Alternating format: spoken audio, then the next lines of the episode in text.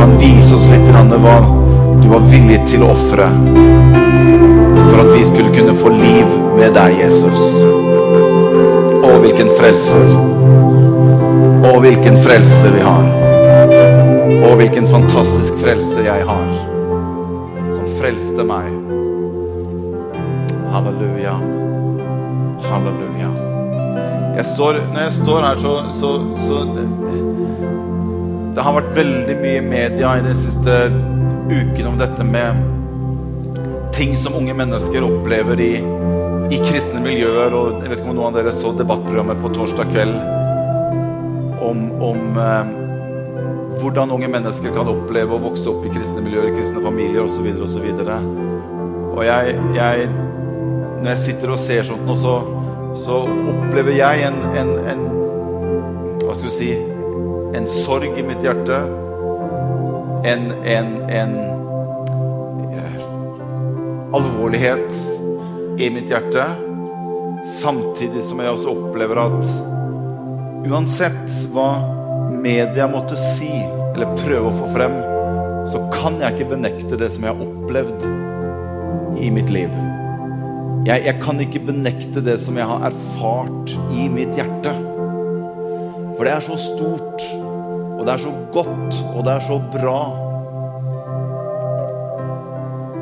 at jeg Noen ganger så har jeg lyst til å fortelle andre mennesker om det også.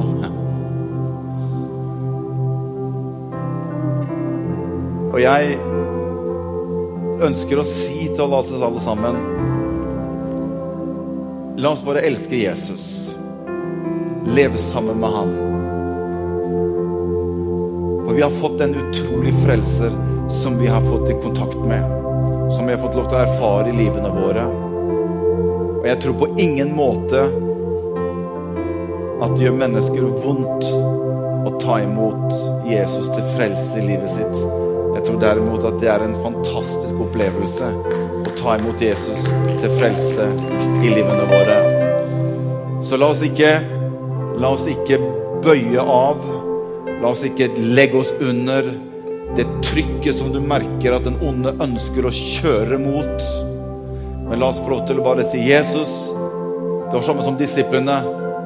Se til truslene, men strekk ut din hånd, Herre. Så vi kan få lov til å oppleve og se at du er noe mer enn bare ord. At du gjør en forskjell i menneskers liv.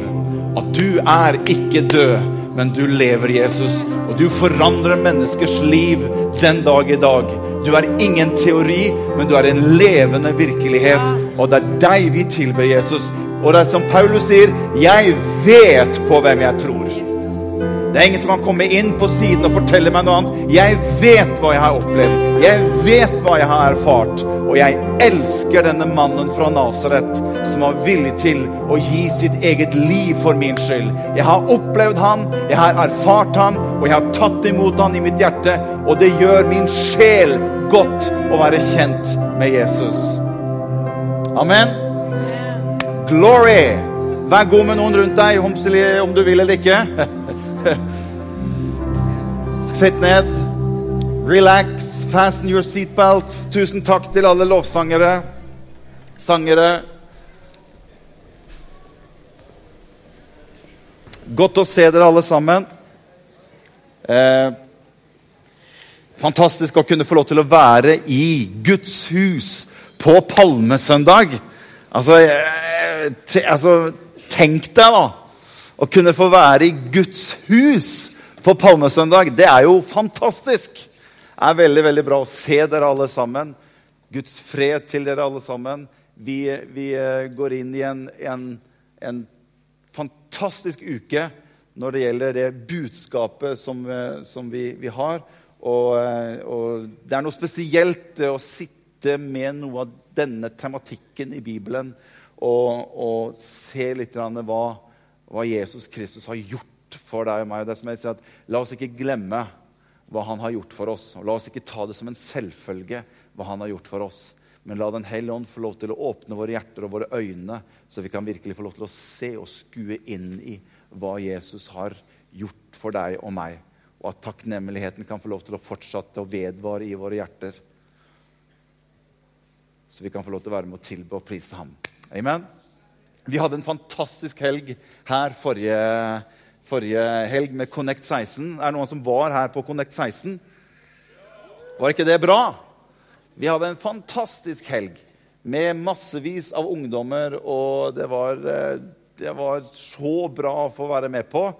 Og eh, Gud gjør noe iblant mange unge menneskers liv, og Gud gjør noe i forsamlingen og i menigheten her. Og jeg vil også bare som Åse sier, bare oppmuntre hvis du går i denne forsamlingen her, men på en måte ennå ikke har blitt et medlem i forsamlingen, så ønsker vi bare å, å oppmuntre deg til å, å, å, bli med ordentlig på lag. Det står at de blir frelst, og så står det at de blir tillagt menigheten. Og det tror vi på. Vi tror på en forordning, vi tror på å ha ting i orden rundt de tingene. Så noter deg det infomøtet 14.6, og kom og bli med. Bli en del av fellesskapet og vær sammen med oss og vær med å bygge Guds rike i Asker og Bærum og i dalstrøka, holdt på å si utenom. Det er veldig, veldig bra. Jeg skal eh, dele noe med dere i, eh, i, eh, i, formiddag. Det er palmesøndag.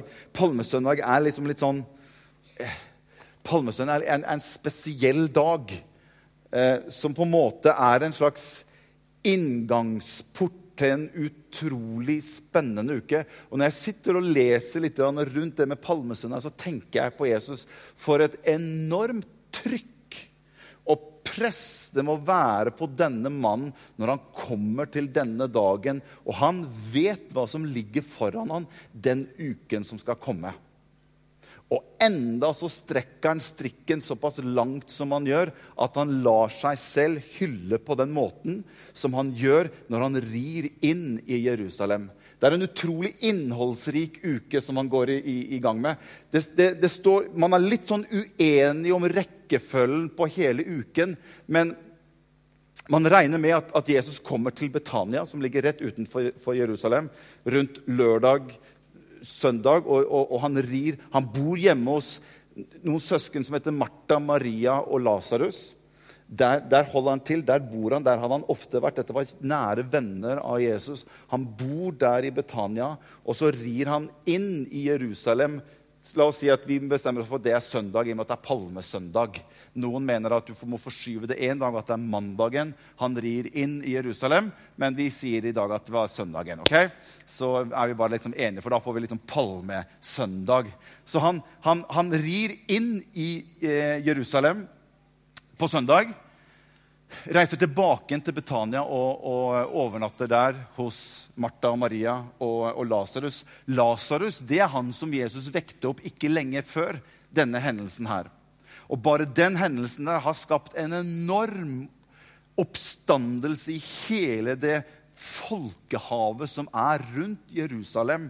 Og Jesus er utrolig målrettet i de tingene han holder på med. Og han bruker på en måte hendelsen med Lasarus som en slags form for katalysator eller peilepinn for det han skal inn i. Han balanserer hele tiden for at han vet hva han har kommet for å gjøre. Og han havner nå da på palmesøndag og rir inn i Jerusalem. Reiser tilbake med disiplene sine til Betania og bor der sammen med, med dette, disse søsknene. Mandag drar de inn i, i Jerusalem igjen, inn i tempelet og, og, og det er det vi leser om Han går inn og, og, renser ut tempelet. På veien inn dit så går Jesus forbi et fikentre, og han forbanner dette fikentreet. Mange av dere som har lest litt i Bibelen, har, har hørt disse fortellingene. Han forbanner dette fikentreet på vei inn, går inn og renser tempelet og er ganske irritert og sint og sier at dere har gjort dette tempelet mitt, som skal være et bønnens hus, har dere gjort om til en røverhule. Og han er ganske sint i det han holder på med. De reiser tilbake til Betania. Det er mandagen. Tirsdagen tar Jesus med seg disiplene til Oljeberget. Og De passerer dette fikentreet som Jesus hadde forbannet dagen før. og Disippelen merker det, at fikentreet er, er, jo, er jo visnet fra roten opp. Og de, han, Jesus tar dem med ut til Oljeberget og begynner å undervise disiplene sine om tro, fantastisk undervisning som Jesus har om tro den dagen. Judas han har en litt annen på agendaen sin. Så den dagen er der hvor han går inn til rådet med, de religiøse og begynner å avtale kanskje om å selge Jesus eller oppgi litt av hvordan han holder seg til. Fordi at de religiøse lederne er veldig på jakt etter Jesus. For de er veldig redd for det som har skjedd. Ikke bare planlegger de å ta Jesus til fange, men det står faktisk det at de ønsker også å ta livet av Lasarus. Så det Jesus har gjort med Lasarus, er en enormt spenningsnivå. Det er nesten som en fjæring for det som skal skje. Fordi at Jesus lar Lasarus dø. Det står om denne mannen som Jesus var glad i. Så Først kommer de og forteller at han er syk. Og så står det at Jesus venter ennå noen dager. For han vet hva som skal skje i fremtiden. Og han bruker dette midt oppi alt som skal skje denne uken. Onsdagen kommer.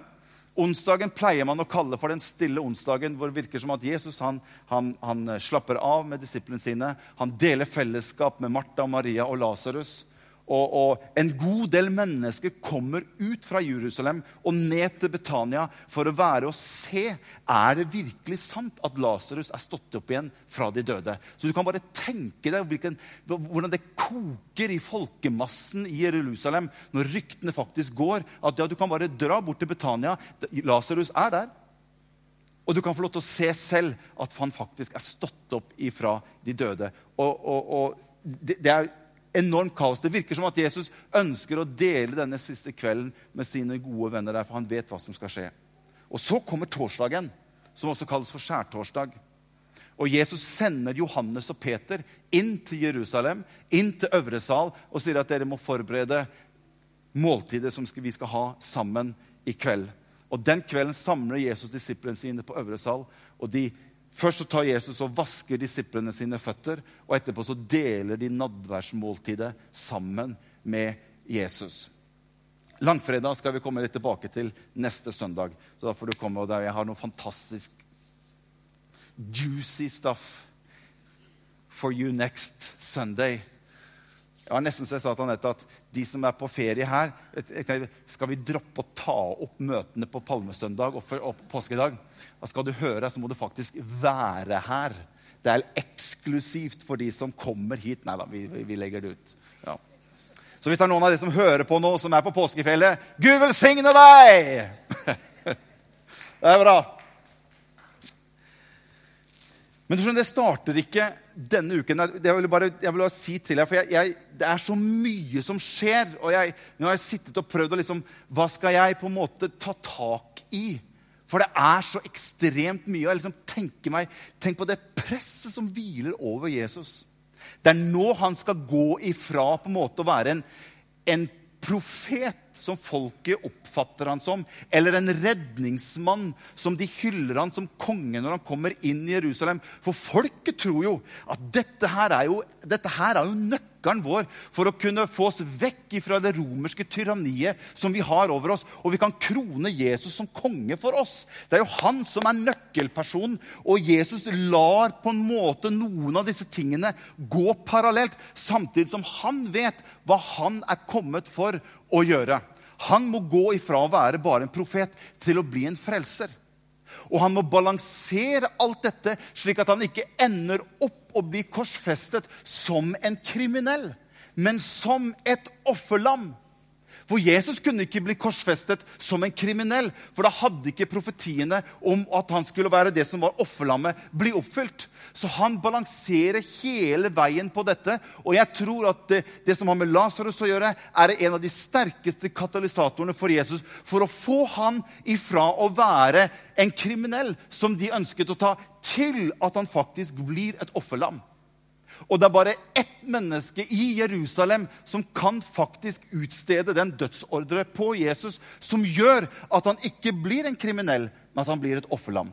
For hadde Jesus bare dødd på korset på vanlig måte, så hadde det slått feil.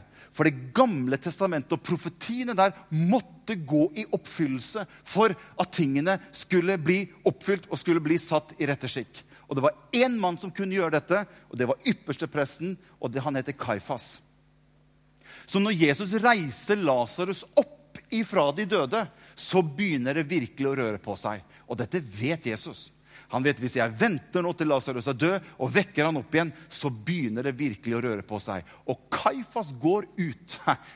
Han går rett i den profetiske fellen, og så sier Kaifas dette går ikke lenger. Denne mannen her, Hvis ikke vi fjerner denne mannen her, så kommer vi alle til å dø.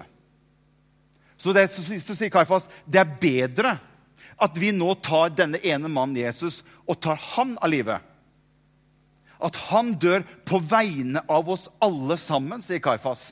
Og da uttaler Kaifas som ypperste prest de ordene som må til for å overføre Jesus fra å være en kriminell til å bli et offerlam. For det var bare ypperstepresten som kunne utse seg det offerlammet som skulle bli slaktet på påskedag. Og Kaifas går i gang og uttaler disse ordene. Det er bedre at én mann dør på vegne av alle sammen, enn at vi alle sammen skal gå til grunne. Ja, Kaifas! Det er helt riktig.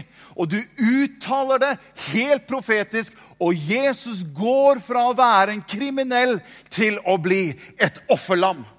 Og dette balanserer Jesus på med hele veien mens han holder på. Men det begynner jo ikke her på palmesøndag. Det begynner jo lenge før. Helt tilbake til Edens hage. Dette blir lang preken, skjønner du.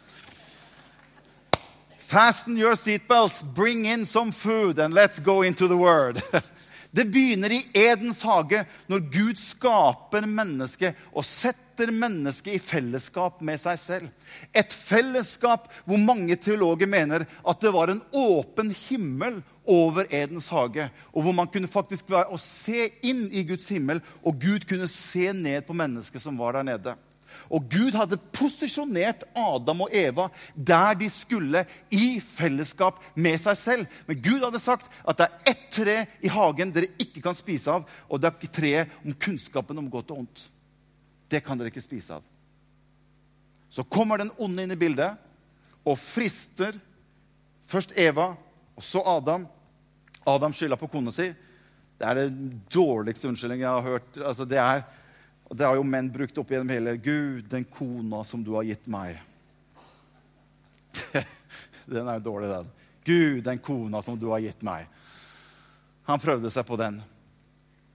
Men de spiser av dette treet og flytter sin posisjon ut ifra det Gud hadde satt dem inn i ut ifra fellesskapet med Gud. Så når Gud ser ned, så ser han ikke lenger Adam. Det er derfor Gud kommer ned og sier, 'Adam, hvor er du?' Og fallet hadde blitt et faktum. Og det virker som at når, når du leser det som skjer i Edens hage, at Gud er ganske sint, for så han måtte jage de ut av Edens hage. Hva har dere gjort for noe? Det har kommet et skille mellom dere og meg. Vi har ikke det fellesskapet lenger som vi hadde. Og Det virker som at Jesus, nei, Gud på en måte sier at har dere også tenkt å spise av livets tre nå? Slik at dere kan leve evig. Og Gud sier dere må komme dere ut av Edens hage. Jeg kan ikke ha dere her lenger. Det er et skille mellom oss. Det fellesskapet vi hadde, det er over. Og det å spise livets tre, det, det var jo det som skulle være en fordel for deg så lenge vi hadde den relasjonen som vi hadde. Det var jo der livets tre skulle komme inn i bildet. Men når dere går imot meg og min vilje og ønske for dere, så kan vi ikke opprettholde det fellesskapet som vi har hatt. Og han stenger Adam og Eva ute av Edens hage. Så de ikke skal få mulighet til å spise livets tre og leve evig. Og han setter vakt foran Edens hage, og fallet er et faktum. Får dere med dette her? Dette er litt mer sånn Vi går inn. Er, får dere med? Er det her? Bra. Fallet er et faktum.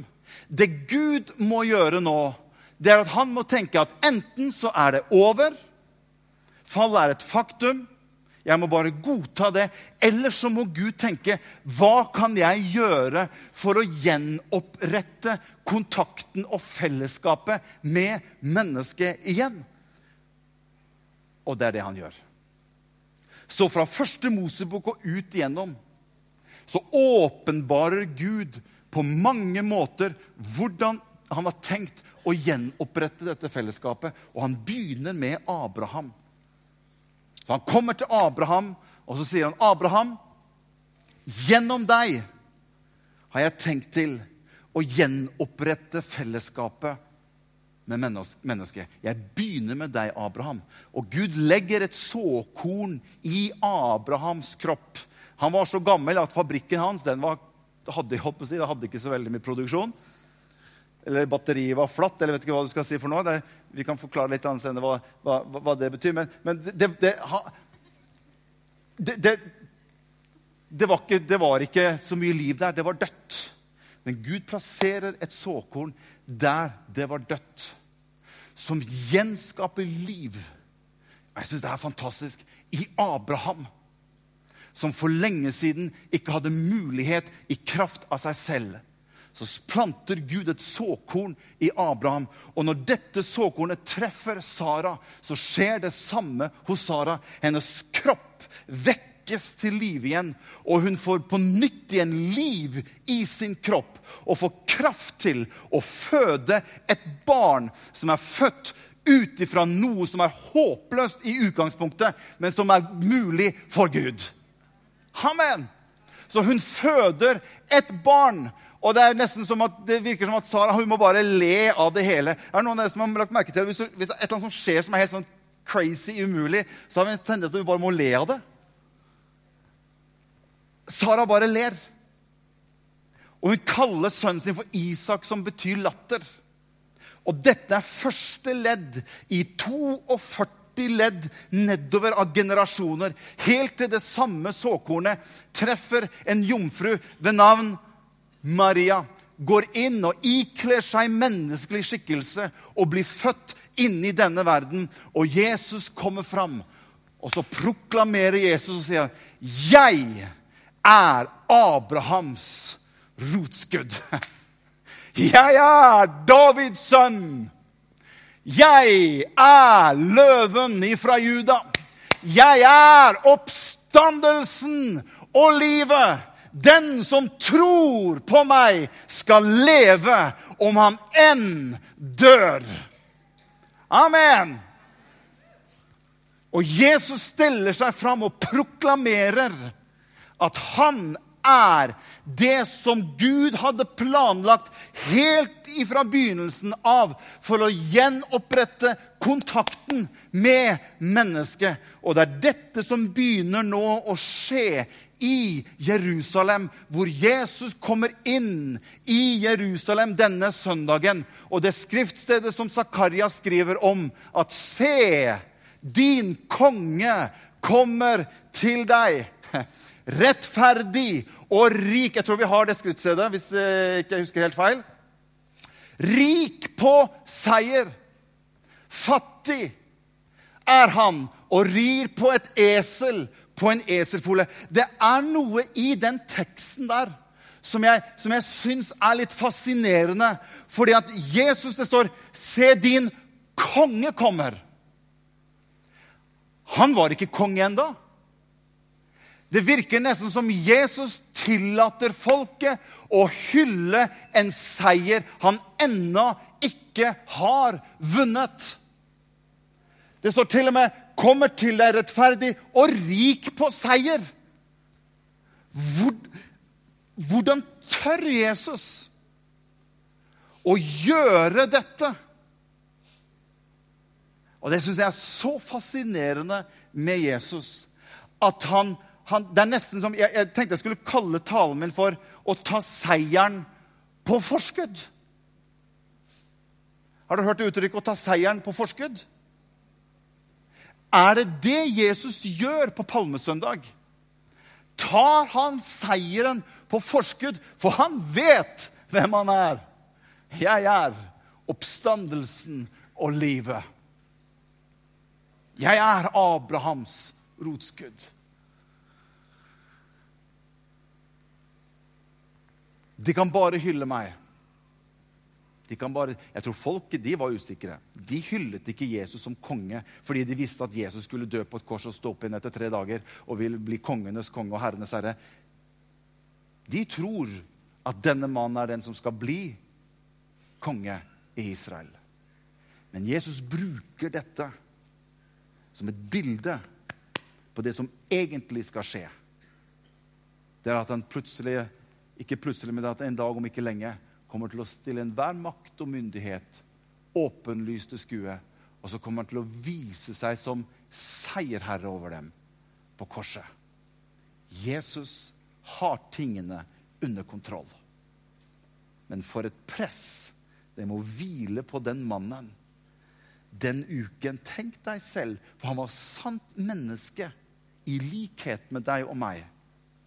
Det er dette hele Det gamle testamentet hadde pekt opp imot. Alle offer som var gjort i hele Det gamle testamentet, pekte mot én mann.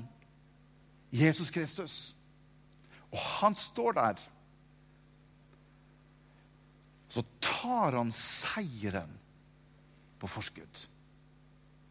For at det skal bli oppfylt, det som står om han i Zakaria. At se, din konge kommer til deg. Jeg syns han er tøff. Jeg hadde ikke, jeg hadde ikke turt det, altså. Bare sånn det er helt klart. Jeg hadde ikke Jeg syns han spiller Han spiller et høyt spill. Men han vet hvem han er. Fantastiske Jesus. Han vet hvem han er. Og det er noe av denne det er noe av dette palmesøndag-budskapet som jeg bare har lyst til å dele med deg.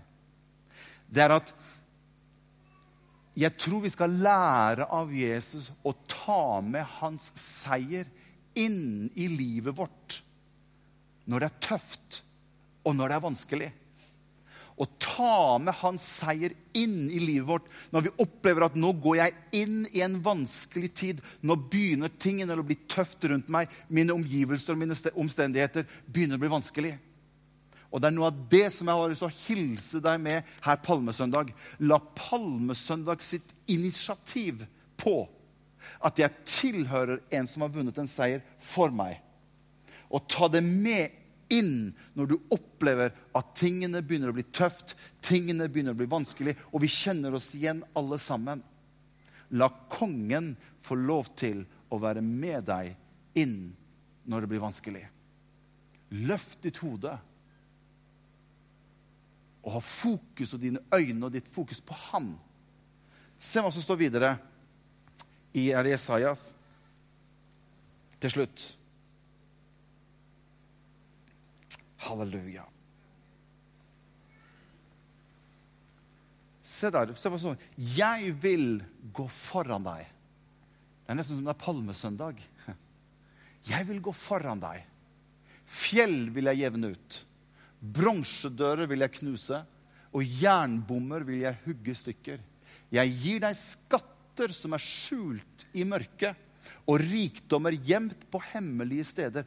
Om du går inn i en periode som er mørk og som vanskelig, la han få lov til å gå foran deg. La palmesøndagen få lov til å bare ligge foran deg.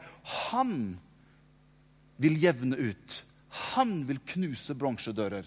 Og du kan få lov til å oppleve at midt når det er mørkt og det er vanskelig, så sier han, 'Jeg kan gi deg skatter skjult på mørke steder.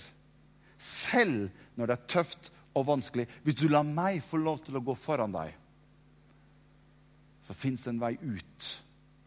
For jeg er kongen din. Og jeg er rik på seier i mitt liv. Ha meg med inn i ditt liv. Så jeg har lyst til å bare oppmuntre oss alle sammen til det. La dette være overskriften inn i denne palme eller påskeuken som vi er på vei inn i. At Jesus har allerede vunnet en seier for deg og meg. Det er derfor Jesus sier når han står foran graven til Lasarus, så sier han, 'Herre, er. Herre, jeg takker deg for at du alltid hører meg når jeg ber.'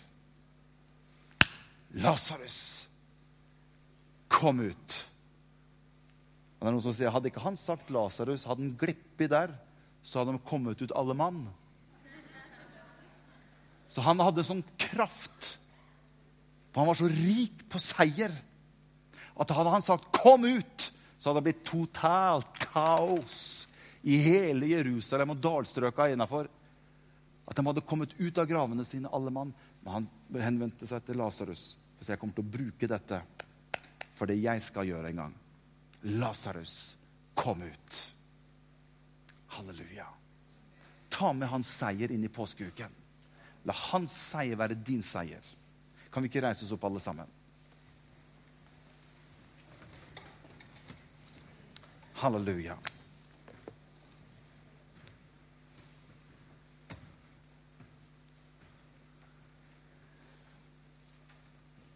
Jeg, når, jeg, når, jeg, forberedte meg, så, så, opplevde jeg noe av dette med at mennesker som er her, som befinner seg i en vanskelig situasjon, eller du opplever at du er på vei inn i en vanskelig situasjon, som du opplever at du kommer deg ikke ut ifra at du bare vet at 'jeg må igjennom det'. Det står foran meg. Jeg er bare nødt til å gå igjennom det. Men det er noe som står at om jeg vandrer i dødsskyggens dal, så er han der med meg og han leder meg igjennom og ut på andre siden. Og det er, det, er, spesielt dere som jeg har en hilsen til fra Gud denne palmesøndagen. At koble deg på Jesus. Han er rik på seier, og han er din konge. Og det finnes skatter som er skjult i det mørke der du er. Bronsedører vil han sprenge i stykker for deg. Hvis du tar han med og ikke la han stå på utsiden. Ha en trosinnstilling i ditt hjerte at Herre, selv om det synes vanskelig og mørkt rundt meg nå, så ønsker jeg at du skal være min konge midt inne i min situasjon. Kan vi ikke bare ha våre øyne litt igjen, alle sammen? Hvis du står her nå og du opplever at dette er noe som treffer meg i mitt hjerte, kan ikke du bare løfte opp en hånd som jeg ser den? Det er mange hender her. Det er mange hender her. Og det er derfor jeg opplever at Gud har gitt det i mitt hjerte til veldig mange mennesker her. Halleluja. Far, jeg priser deg. Halleluja. Er det noe på galleriet også? Så kan du løfte opp en du bare ta den ned igjen. Det er flere hender der også. Halleluja. La oss bare be litt, i kirke. La oss løfte opp vår røst, Pinsekirken be til Jesus. Det står at de samrekte løftet sin røst og ba til ham. Det er en kraft når vi som hans menighet løfter vår røst og ber til ham. Det skjer noe i atmosfæren. Og du som ikke løftet din hånd, løft din røst, så tenker du på de som løftet opp sine hender. Far, jeg ber deg for hver eneste en som opplever kanskje befinner seg i et mørke akkurat nå. Befinner seg på et sted som ikke er så enkelt. Jeg ber deg, Herre, jeg ber at du skal være som palmesøndag i deres liv, hvor du rir inn som konge. Rik på seier.